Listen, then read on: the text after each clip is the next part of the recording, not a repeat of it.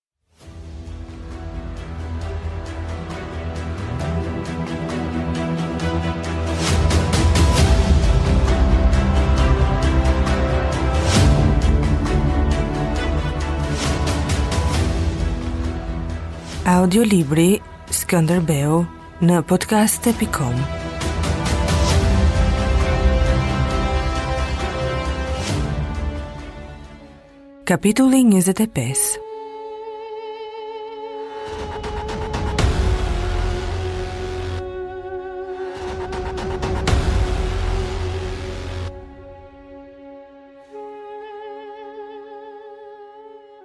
Sulltani rrinte mbi kanape dhe i duhej të mbante kokën lart për të parë Veqilharxhin që i fliste më këmbë nga mesi i çadrës, i gjatë sa direku prapa kurrizit, me zërin si në lutje, sikur zbulonte të fshehta që duhet të dilnin vetëm nga ata të dy. Veqilharxhi po thoshte se një ditë më parë kishin humbur në fushë dhe sipër në kështjellë 6.000 ushtarë.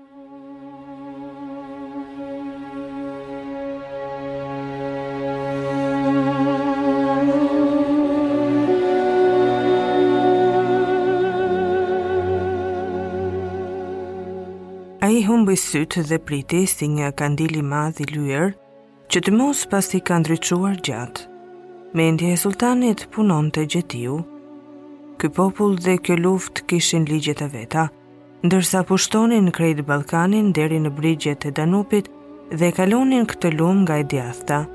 Bajazit Rufeja dhe Mehmeti i parë gjithnjë e kishin lënë për në fund Arbërinë, Mbase ata diçka kishin ditur për këtë vend dhe nuk e kishin thënë.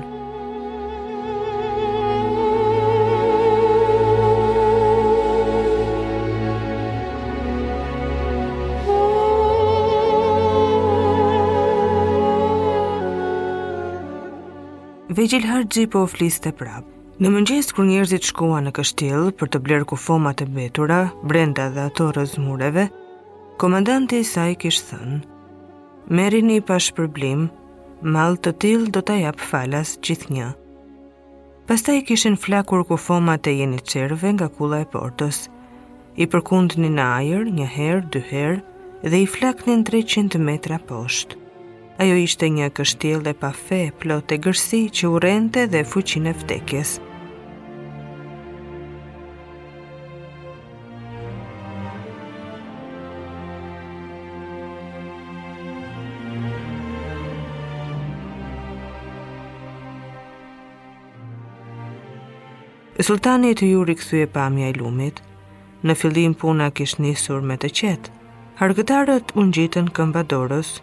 dy radhë, tri radhë, duke u mbrojtur pas kufomave dhe endën mbi muret në rrjetën e shigjetave. Ishte një vend i pakët që përfshihej me sy, dhe sulltani ishte ngjitur majë kodrës që të shihte më mirë dhe të nxiste ushtarët me hijen e tij. Ishte aq afër sa iu duk se mund të spërkatej nga gjaku që plasin në mure.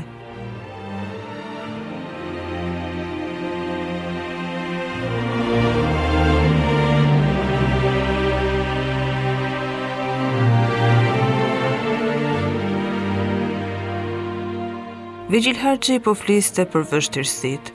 Sulmoheshin karvanët që vinin nga Maqedonia, Rruga nuk ishte e mbrojtur mirë. Ai po e forconte zërin dhe vazhdimisht përkulej përpara. Murati mendonte se aty s'kishte ngjarë ndonjë nga betejat që hyjnë në historinë e sulltanëve, por që nga dita kur shkeli ai në Krujë kishte humbur 8000 ushtarë aq sa në betejat e mëdha.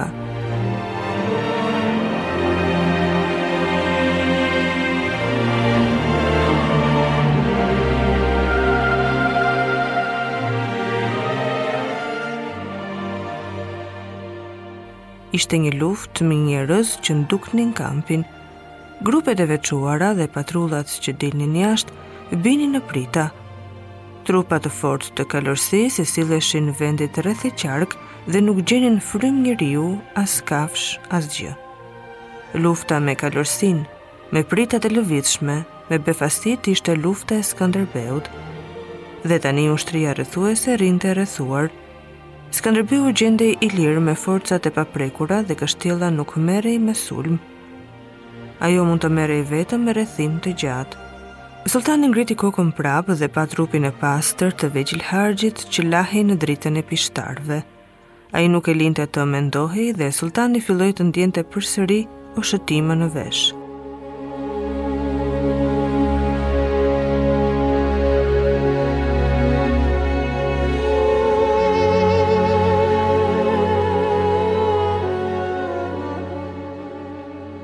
Ky njeri është varrmihësi im.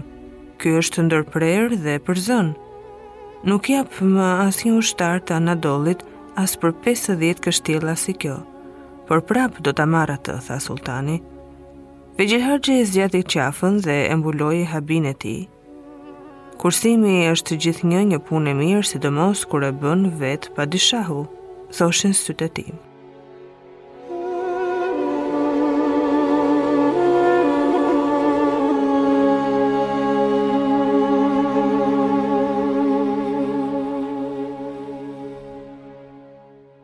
Në mesnatë 300 vullnetarë të gardës, që të gjithë rini krutane, U ngjitën në kështjellë nga muri i veriut me shkallë litari. Ata e zëvendësonin të vrarët. U printe Gjon Perlati që të shkonte atje si nënkomandant i Vrana Kontit të plagosur. Vullnetarët ngriheshin mbi mure të kërrusur dhe kërcenin poshtë. Tek e çara e portës punonin njerëz dhe mbulonin zhurmën e hapave mbi zhur të atyre që zbrisnin nga mali. Kur kapërceu ushtari 300, Gjon Perlati u ngjit dhe vetë mbi shkëmbin e vogël dhe vështroi kështjellën. Muret e saj shkonin poshtë, buzë shkëmbit të rëndë, me faqe të lëmuara nga errësira. Kështjella qëndronte mirë, peshën e saj e mbante kulla e madhe e vrojtimit. Kështjella bënte hije mbi tokë dhe prej andej,